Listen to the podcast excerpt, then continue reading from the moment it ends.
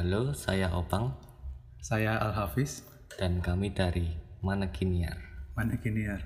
Ya. Dan episode kelima ya. Nah, Nggak tahu lah. Lima. Kalau nggak salah episode kelima. Yang upload kamu. Waduh. Nah, ini kita mau bahas apa pak? Film lah ya. Ya, iya. Film yang, Yang lagi lagi hype. lagi hype, lagi naik, lagi happening. Udah ditunggu-tunggu sama banyak orang lah. Yang langganan HBO cuma trial doang. Waduh. hype itu jangan. Eh, langsung aja lah ya, Snyder Cut atau versi lebih formalnya Zack Snyder's Justice League gitu. Ya, iya. Waduh.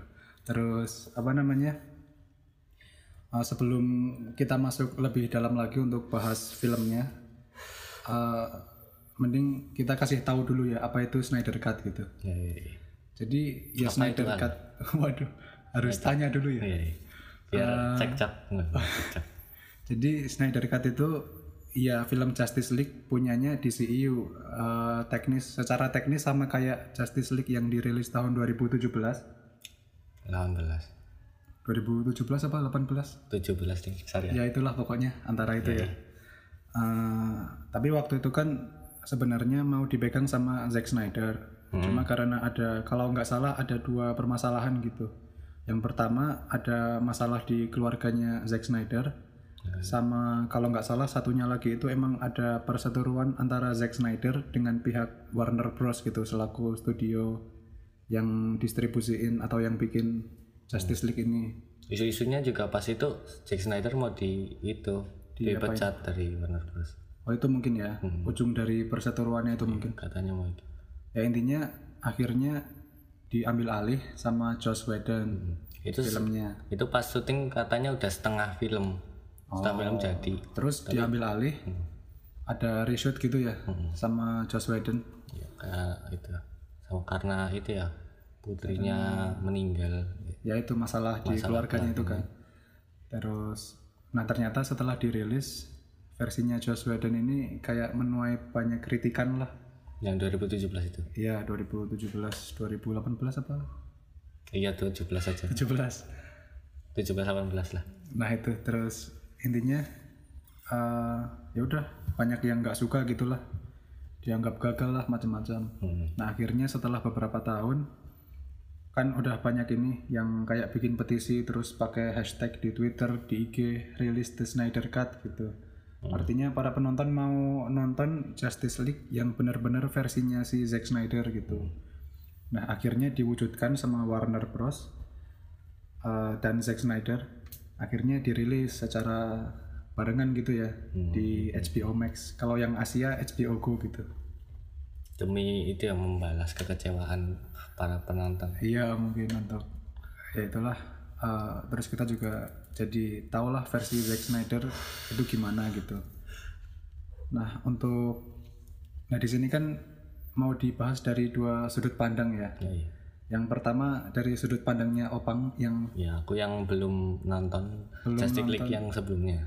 ya belum nonton versinya Joss Whedon Ya, iya. sama uh, sudut pandangku yang udah nonton versinya Joss Whedon gitu. Ya, keren lah. Aduh. Kan apa namanya? Takutnya kalau uh, apa kita bicarain udah nonton versinya Joss Whedon terus sempat dikecewakan kan kayak agak bias gitu ketika nonton versinya Zack Snyder kan. Sedangkan aku yang biasa aja. Waduh, Karena nggak nggak tahu apa-apa langsung nonton aja League. langsung nonton. Terus yaudah gimana Bang tanggapan Snyder Cut ini? Tanggapanmu tentang Snyder Cut? Sangar sih. gue. Waduh, sangar. Sangar. Langsung keluar satu kata itu ya. Tebel itu di bold. Aku suka itu rasio filmnya Oh. 4 banding 3 4 banding 3 ya. nggak tahu kenapa pemilihan 4 banding 3 tapi keren aja menurutku Terus kesannya beda gitu ya. Jadi, Kayak lebih hmm. spesial gitu. Terus untuk ceritanya gimana? Apakah ada yang bikin kecewa atau gimana? kalau kecewa sih nggak ada soalnya nggak berekspektasi apa pun ya soalnya Oh, kan belum pernah nonton yang Justice League sebelumnya kan jadi ya nikmatin nikmatin aja sih 4 jam ini nikmatin nikmatin aja Nggak ada bosan-bosannya sama sekali ya. hmm, sejauh nggak sih kan Terus untuk karakter-karakternya gimana? aku suka karakter Batman. Batman ya? Dengan kesombongannya. Dengan kesombongannya. Ketika itu Flash ngomong eh ini spoiler ya sebelumnya. Ada spoiler lah pokoknya. Selalu spoiler pokoknya. Nanti ditulis di judul juga. Oh iya. Nah pokoknya itu ada adegan pas ngerekrut Flash si Flash. Flash tuh tanya kekuatan supermu apa bos? Oh iya iya, iya. langsung. Batman ngomong aku kaya. Wih, keren banget keren. Udah kayak Tony Stark lah ya. Apa sih sombongnya? Iya. keren sih. Tapi menurut itu Justice League yang sebelumnya emang ada gitu-gitu? Ada kayaknya ada dialog itu juga. Saya ingatku ya gitu sih. Terus intinya 4 jam ini nggak bosen lah ya. Soalnya 4 jam itu kan setiap karakternya itu ada cerita masing-masing gitu loh. Jadi lebih dalam gitu karakternya oh iya iya iya. Terus nikmatin aja sih. ini ya apa namanya dibagi bagian-bagian gitu ya, kan per ya. part-part gitu kan. Jadi enak juga kan kalau mau di kotak-kotakkan nontonnya. Iya jadi adegan Flash sama bapaknya adegan Cyborg sama bapaknya. Terus endingnya?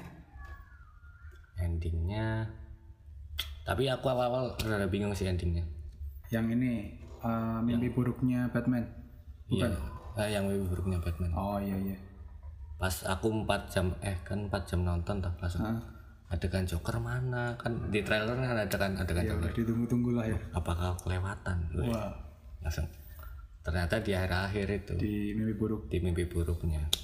Tapi Joker di situ keren parah sih. Rambutnya panjang gitu ya. dari kayak baru pertama kali ya Joker rambut panjang di DC EU ya? Sebenarnya apa keluar dari topik ya. Si itu Jared Leto sebenarnya nggak mau loh sama Warner Bros. Oh. Tapi karena ada Zack Snyder oh, ada si Zack Snyder ini. dia mau syuting lagi. Mau reshoot apa? Reshoot ya? Syuting. Syuting lagi. Oke oke. Pokoknya pada ribut sama Warner Bros. lah. Pada ini kayaknya ada masalah gitu ya kalau nggak salah. Hmm. oke oke.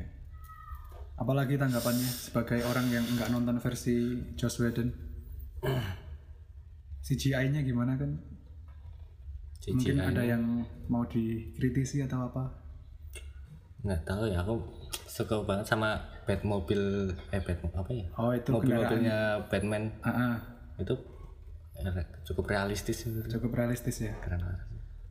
Terus apalagi sih mungkin? Itu aja mungkin ya kalau untuk yang dibahas sebelum masuk ke aku yang nonton versi Joss Whedon juga. Hmm. apalagi? Oh iya ini apa namanya? Eh, komentar terhadap black suitnya Superman gimana? Biasa aja atau? Keren sih. Kelihatan lebih keren gitu ya penampilannya? Iya iya, iya. kayak lebih gelap gitu ya? Karena warna kesukaanku hitam. Wah ternyata karena preferensi pribadi. Terus apa lagi ya yang menarik Ah, ini sebagai orang awam kan oh, iya maksudnya yang belum nonton Justice League sebelumnya. Jadi kayak benar-benar pandangan murni tanpa bias gitu loh. Udah sih itu aja kan itulah paling ya. Gila. oke oke. Kalau aku ya sekarang ya hmm. yang dulu udah nonton versinya Joss Whedon Hmm. ya jujur sih apa namanya menurutku ini versi Zack Snyder jauh banget lebih bagus daripada versinya Joss Whedon. Hmm. kayak berkali-kali lipat lah. Terus di sini ya mungkin eh, penyebab durasinya panjang juga mungkin ya. Kayak karakter-karakter itu aku merasa lebih didalami gitu loh. Kayak masing-masing lebih jelas ceritanya gitu. Fun fact juga aku baca-baca dari itu kata fans-fans. Joss Whedon tuh sebenarnya dikasih Warner Bros. itu cuma dua jam. Oh emang di jadi dijatah dua jam gitu? cuma dua jam itu maksudnya filmnya. Oh jadi ya kayak bukan murni kesalahannya Joss Whedon mungkin ya? Ini pada ngujat Joss Whedon. Sebenarnya Joss Whedon tuh baik bro. Waduh. Wih, itu kalau aku nggak salah ya di Super ya Batman eh kok Batman di apa? Justice League yang 2017 iya. Itu nggak ada tulisan Joss Whedon sebagai sutradara. Oh. Tetap Zack Snyder. Tetap. Jadi kayak Oh, iya, pertemanan Zack Snyder antara Joss Whedon Joss Whedon ya? Iya iya. Erat gitu bro. Oh, alah. malah baru tahu ini aku. Terus, ya tapi kan aku bahas filmnya gitu bukan orangnya ya. Iya, iya. jadi terlepas dari peraturannya uh-uh, Hmm. terlepas dari peraturan yang diberikan Warner Bros. atau latar belakang lainnya ya aku merasa di filmnya versi Zack Snyder ini kayak karakter-karakter jauh lebih didalami. Terus kayak mereka apa ya ada momen-momen spesialnya sendiri gitu loh. Kayak Flash gitu. Terus Cyborg juga. Yang lain-lain juga lah. Emang yang yang sebelumnya nggak ada itu pendalaman per karakter itu. ada sih tapi menurutku kayak yang di Zack Snyder ini jauh lebih dalam gitu loh. Hmm. kayak Kayak hubungan antara cyborg sama bapaknya. iya kayaknya ya aku juga udah agak lupa sih versi 2017 Hmm. cuma seingatku untuk apa ya kayak masalah pribadi masing-masing karakternya itu jauh lebih didalami di versi Zack Snyder gitu. Terus untuk apa lagi? Nah kan banyak yang apa ya menarik di versinya Zack Snyder tapi nggak ada di versinya Joss Whedon gitu. Kayak uh, black suitnya Superman gitu kan Hmm. itu di versinya Joss Whedon nggak ada terus Martian Manhunter di versinya Joss Whedon nggak ada Yang dikira jahat itu. iya yang ijo-ijo itu Iya. Akhirnya jahat itu, Bro.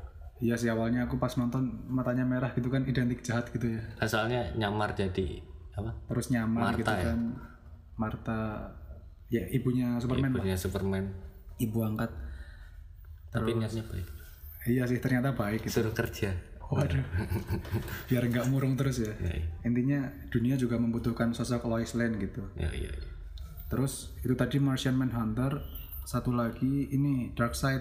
Nah di versi Joss Whedon itu kayaknya sama sekali nggak ada. Adapun mungkin cuma apa ya indikasi-indikasi kecil gitu. Pas sejarahnya itu kan nyeritain sejarah kan si Wonder Woman. Itu aku agak lupa sih kalau nggak kalau apa ya antara emang nggak ada Darkseid atau eh, apa ya sosoknya digantiin si Steppenwolf gitu. Hmm. Kayaknya sih aku agak lupa juga soalnya. Intinya kayak Darkseid itu bukan bagian penting gitulah di film versi Joss Whedon. Armornya Steppenwolf juga Nah, terus armornya Steppenwolf lebih sangar ya. yang sekarang lebih kelihatan apa? sangar. Wih, sangar. Kerennya gitu. Ada duri-durinya. Ada duri-durinya. Kayak mau megang, aduh takut ketusuk. Waduh. Terus yang dulu kayak lebih apa ya? Lebih biasa gitulah. Terus apa lagi? Eh, ya menarik sih maksudnya kayak jadi kita lihat lebih banyak gitu loh di versinya Zack Snyder ini. Hmm. Terus untuk endingnya, kalau di versi Josh Whedon kan kayak Flash, ya udah cuma gitu aja gitu kan, kayak nggak ada spesial spesialnya gitu loh. Gitu aja tuh gimana? Ya kayak cuma apa ya ikut kontribusi tapi nggak ada spesialnya gitu loh kesannya. Nggak ada ngundurin waktu gitu. Nah nggak ada itu waktu di versinya Zack Snyder, Flash itu kayak megang andil besar untuk menangin sosok apa eh, menangin Justice League gitu. Kayak sebenarnya Justice League udah mau kalah kan, terus Flash kayak eh, apa ya me- apa sih istilahnya? Eh, apa namanya? Apa? Mengundurkan waktu Waduh. dengan apa sih? Me- merusak Dengan apa? apa namanya breaking the rules itu bahasa Indonesianya waduh Iya gitu. ya, intinya si Flash ini kayak melanggar peraturannya dia melanggar peraturannya sendiri gitu nah dia sampai apa mengundurkan waktu itu yang di itu Snyder. Snyder ini Hmm. Walah. iya Ya, ya, terus. dia apa namanya ya itulah tadi. Terus mengundurkan waktu terus nyelamatin Justice League gitu sama dunia. Akhirnya ya mereka menang gitu. Ya intinya lebih diperhatikan gitu loh si Flash. Hmm. kayak lebih ada momen untuk dia sendiri gitu juga. Terus yang di akhir itu juga menarik sih diperlihatkan Joker ya. Di apa? Mimpi buruknya si Batman. Di apokalipsnya. ya itu kan sama sekali nggak ada ya di Ya nggak tahu bro. di Joss Whedon di versinya Joss Whedon Itu nggak ada. nggak ada yang kayak kita lihat di Zack Snyder itu nggak ada Joker juga Jadi endingnya gimana? Yang eh, ya yang udah menang menang aja gitu oh, udah langsung tamat. nggak langsung tamat sih Eh, ada ini juga apa adegan Bruce beli bank itu maksudnya keren yang terakhir itu ya Ya, ya. yang pas Superman rumah ibunya Superman kayak ditebus gitu lah Ya, bagaimana kamu bisa membeli rumah ini? Kamu beli banknya. waduh keren itu. Sombongnya keluar lah Ya, ya. terus ada Martian Manhunter juga kan di akhir itu juga muncul. Nah itu di Joss Whedon nggak ada. Hmm. intinya kayak mau kerjasama gitu ya Justice League sama Martian Manhunter gitu kayak saling membantu gitu kan. Ya itu sih menarik. Terus apa lagi Kalau misalnya ada film ini kemungkinan ada film selanjutnya nggak? oh iya kan eh, ini sayangnya kan beberapa hari lalu aku kayak baca-baca gitu di internet Hmm. ternyata Justice League versinya Zack Snyder ini enggak canon enggak canon itu apa mungkin gampangnya nyambung gitulah Iya. nggak berkesinambungan di DC Extended Universe. Jadi kayak film sendiri gitu, nggak ada nyambung, Iya, jadi kayak apa ya? Eh, nggak ada terusannya. nggak kepake di DCEU gitu. Yang kepake tetap versinya Joss Whedon. Sayang sekali. Jadi Zack Snyder ini kita kayak cuma ditunjukin ini loh Justice League kalau dibikin sama Zack Snyder, sekadar gitu. Tapi untuk kalau kita mau ngikutin timeline sama universe DCEU, ya kita patokannya tetap ke Justice League-nya si Joss Whedon gitu yang belum memperkenalkan Martian Manhunter, belum mengulik soal Darkseid, terus belum menunjukkan black suit-nya Superman gitu. Hmm. Jadi kita tetap patokannya ke punyanya Joss Whedon. Tapi kalau aku Gitu misalnya yang nonton Justice League Snyder doang, Ya, terus ada film selanjutnya, aku bakal paham. Eh, harusnya kan film selanjutnya itu eh, patokannya ke versinya Joss Whedon lah ya, yang canon gitu di DC Extended Universe. Iya. Tetap bisa paham lah. Menurutku bisa paham tetap. Terus apa? Oh iya tapi ya walaupun aku bilang Zack Snyder atau apa Justice League versinya Zack Snyder ini bagus gitu atau jauh lebih bagus daripada versinya Joss Whedon. Hmm. Tapi aku tetap masih apa ya pendapatku soal Justice League itu kayak keburu-buru masih tetap kekeh sih. Loh. Kenapa itu? Nah ini yang aku rasain ya. Hmm. Eh, kan di film Justice League ini Hmm. kayak yang salah satu yang menjadi patokan utama itu kan mother boxes ya. Iya. Nah kalau kita lihat dari timelinenya gitu, sebelum film Justice League yang menyinggung mother boxes kan paling di Batman vs Superman ya, Hmm. kalau nggak salah. Nah terus menurutku kayak apa ya aku belum belum dapat apa namanya emosi personal sama benda-benda ini gitu loh mother boxes. Hmm. Kan mungkin kalau mother boxes mau disamain sama kayak entitas lain gitu di dunia superhero kan yang udah ada ini mungkin Marvel. kayak Infinity Stones mungkin ya. Ah. Yang intinya mereka ini barang-barang yang harus dikumpulkan oleh antagonis untuk mewujudkan sesuatu yang harus dibatalkan, yang harus dikalahkan oleh protagonis gitu kan. Premisnya samalah ya kayak Infinity Stones. Hmm. Nah, cuma bedanya kalau Infinity Stones itu kan udah diperkenalkan satu-satu, Hmm. disinggung di masing-masing film gitu kan baru akhirnya dikonklusikan di Infinity War sama Endgame gitu nah menurutku kalau ini kayak kecepatan gitu aku belum merasakan apa ya kedekatan emosi dengan mother boxes ini gitu loh Iya. maksudnya mother boxes itu kan ada tiga ya Iya. satu di Amazon satu di Atlantis Hmm. satu di bumi biasalah tempat manusia pada umumnya atau lebih tepatnya dipegang bapaknya Cyborg Hmm. Laboratorium. laboratorium. Nah, maksudnya kan sebenarnya bisa gitu sebelum Justice League kayak satu mother box yang di Amazon dibahaslah dibikin film Wonder Woman yang membahas soal atau menyinggung soal mother box ini gitu kan. Hmm. Masalahnya kemarin aku juga nonton Wonder Woman dan kayak sama sekali nggak menyinggung mother box gitu loh.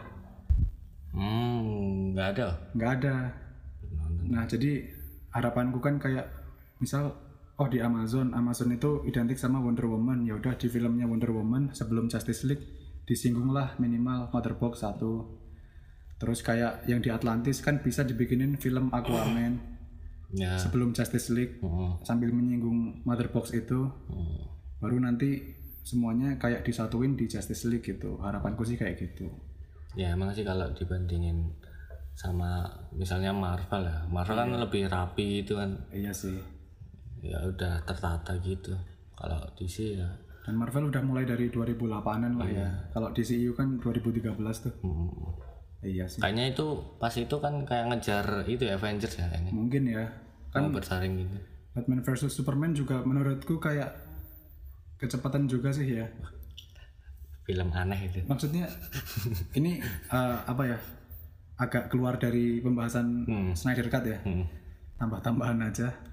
Ya maksudnya kayak Superman baru muncul pertama kali di Man of Steel yang DC Extended Universe. Hmm. tiba-tiba dia muncul lagi di film berikutnya langsung lawan Batman langsung mati kan kayak kecepatan gitu loh Iya. harusnya kita bisa lihat lebih dalam sosok Superman dulu Hmm. Batman dibikinin film stand alone dulu baru nanti entah kenapa mereka berantem mati tapi ini tiba-tiba habis Man of Steel pas Superman muncul lagi langsung dibunuh kan kayak kasihan gitu loh Tapi kalau misal si Justice League ada film selanjutnya kayaknya aktornya udah pada tua deh. apanya Aktor-aktornya. Iya sih kayak Pa- Paling recast ya. mungkin sih kemungkinan Batman aja yang ada itu. Bikin ini baru. oh yang The si Batman itu yang The Batman ya yang siapa namanya? Robert Pattinson Robert Pattinson. iya sih tapi itu kan bukan DC Extended Ya, Universe ja- ya Jadi acak-acakan gitu loh. kayak keramaian gitu ya Ya di sini terus jadi banyak versi gitu. iya sih Ya gitu deh. tapi mungkin nanti ke depannya kan mereka bisa uh, merapikan gitu. Bisa aja pakai alasan multiverse kan. Entah gimana. Kayak udah jadi kunci utama gitu untuk menyatukan yang acak-acak. Ya Marvel juga kayaknya mau melakukan itu sih kayaknya ya. Tapi kan rapi kan. lebih rapi sih lebih ya kayak mungkin kalau MCU itu dibandingin ke DCU lebih ini ya jam terbangnya lebih tinggi kali ya. Lebih teratur gitu. Hmm. gitu sih. Tapi kalau ini bahas itu karakter kesukaan. oh iya iya Itu suka apa? Kalau karakter di mana DCU di itu di Justice League Snyder Cut. Oh, aku sukanya Flash, Barry Allen. Hmm. Kayak di situ dia nyuri perhatian banget lah Hmm. dari cerita sama keluarganya, sama bapaknya itu terutama. Terus di endingnya jadi penyelamat. Tapi Flash kenapa bapaknya kenapa di penjara? Ah, kayaknya sempat disebut sih di film itu, tapi aku lupa. Tiba-tiba di penjara aja. Emang harus bikin itu ya Flashnya? Dibikin itu film sendiri. Iya sih, tapi kayaknya emang udah ada gitu, mau dibikin gitu. Oh. Itu sih kalau aku Flash. Kalau kowe apa Bang? Aku paling aku antara dua sih Batman sama Cyborg. Oh iya iya.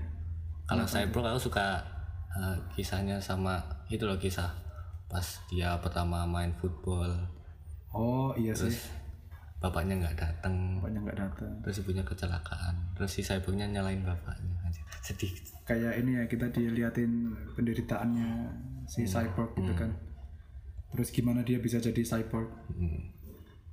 kalau Batman aku sukanya emang aku pecinta Batman parah. Emang suka Batman dari ya? trilogi Batman gue aku emang pecinta Batman parah. Soalnya dia tuh manusia bro manusia orang biasa. Iya sih terus di film Justice League ini dia kayak jadi nyawanya Justice League selain Superman lah ya. Maksudnya dia kan yang ngumpulin yang ngumpulin juga. mereka mereka yang menjadikan satu lah.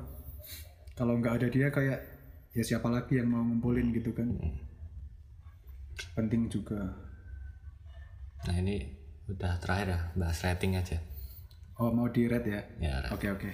Tapi ini fun fact aja. Di IMDb udah itu urutan kedua DC yang yang pertama tuh itu The Dark Knight. Oh tertinggi. Yang Joker itu. Iya iya iya. The Dark Knight. Terus yang kedua ini si Justice Jadi League. di IMDb film DC tertinggi kedua itu Snyder Cut ini. iya. Kedua kedua. Ya kedua. 8, koma berapa gitu. Dan yang pertama itu si The Dark Knight. Knight. Kayak film yang ya kan mungkin dianggap tinggi banget lah ya untuk di dunia pahlawan super gitu. Dan ini bisa jadi film DC yang kedua gitu, tertinggi di IMDb. tapi emang layak sih menurut. Layak lah ya. keren soalnya Jadi kayak dari hype-nya yaitu setimpal sama bagusnya film ini gitu. Jadi enggak overrated, enggak overhype. Kayak pantas gitulah. Di apa ya? Ditunggu-tunggu terus diperbincangkan terus itu pantas gitu loh Hmm. dan nggak kecewa sih aku nonton. Kayak misal aku nonton lagi pun mau gitu. Empat jam juga mau ya. empat jam pun mau. Soalnya empat jam tuh emang itu ya nggak bosen ya. nggak bosan dan dibagi-bagi part kan. Hmm. dan menurutku juga ya ini film kerasa apa ya eh, lebih mahal gitu daripada versinya Joss Whedon gitu. Ya aku nggak tahu kalau biaya pembuatan maksudnya kiasan lah ya kayak lebih mahal gitu loh Ya, ya, tapi ironisnya waktu aku nonton versinya Joss Whedon ya. itu aku bener-bener rental bayar di Google Play Hmm. dan ketika nonton versinya Zack Snyder yang aku bilang lebih mahal Iya. itu malah cuma pakai free trial HBO Go jadi kan ironis sekali ya tapi Tujuh hari. tujuh hari Lumayan bro. iya gitulah tapi apa oh ya terus kan tadi ini ya apa filmnya dibagi part-part gitu Hmm. jadi kalau mau diperlakukan seperti series juga bisa kan Iya ya. misal kita baru nonton part 1 pegel terus oh ya udah Aku aja nonton tiga kali ya. dibagi tiga waktu gitu ya Tiga waktu. Soalnya ngantuk bro. Aku ngantuk ya tengah malam gitu nonton. tapi ya harus ini sih kayak hati-hatilah bagi yang cuma pakai free trial ya nanti pas mau nonton part terakhir free trialnya udah habis kan waduh harus langganan Sebisa mungkin cepet-cepet ya. cepet-cepet atau ya kalau modal ya bayar Ya, gitu benar. bayar apa langganan gitulah Hmm. Tapi emang banyak sih apa HBO banyak apa yang berlangganan sekarang karena itu banyak ya karena Zack Snyder. iya sih ya itu sih paling ya Kalau rating pribadi? Ah, kalau aku ngasih rating Hmm. tadi kowe udah ngasih rating bu Belum bro. Ngasih dulu dong Eh kamu dulu. Oke oke, aku sebagai yang udah nonton versinya Joss Whedon, Ah, aku kasih ini berapa ya? 9 lah cukup. 9, Aku paling sama lah. Delapan setengah, 8 setengah. sembilan. Ya segitulah. Berarti Emang bagus. kalau kita gabungin 8.75 gitu ya. 8,75 Ya itu terserah. ya kan maksudnya dari aku 9 dari Opang 8 setengah Iya. ya paling mau cari tengah-tengah untuk berduanya 8,75 gitu Aku pakai setengahnya biar keren aja lah. biar keren Iya. Tapi emang bagus sih itu film. Worth it lah ditonton. Heeh, benar Kayaknya yang belum nonton film-film apa DCU yang sebelumnya bisa sih nonton kayaknya. bisa sih bisa Soalnya udah diceritain. Pantas sih soalnya. di awal itu juga ditunjukin matinya Superman kan Hmm. Ya sebenarnya kalau mau langsung nonton Snyder Cut bisa-bisa aja ya. Ya, tapi lebih kalau mau lebih ngedalamin ya Iya, nonton, dari Man of Steel ya. dari Man of Steel. Mungkin pengen tahu ini Superman kenapa mati kenapa tiba-tiba teriak-teriak kesakitan? Kan bisa nonton Batman versus Superman gitu. Kenapa Gal Gadot cantik? Uh, wah itu itu beda lagi bro. Ya udahlah paling itu aja ya. Iya. Iya, udah ya. cukup? Cukup sekian ya apa episode berapa? episode 5 Episode 5 tentang Snyder Cut. Oh ya, ini untuk para pendengar lebih milih versi mana? Joss Whedon atau Zack Snyder? ya lebih pilih. Siapa tahu kan ada yang lebih milih versinya Joss Whedon. Kita nggak tahu kan. Kan. Ya kan orang-orang punya preferensinya masing-masing. Dan aku yakin mereka apa ya antara Joss Whedon sama Zack Snyder udah melakukan yang terbaik mungkin ya. Iya. Main aman. Selalu main aman. Ya udah gitulah ya. Ya, udah, udah, udah, udah. Oke. Oke, sekian ya dari kami Manakiniar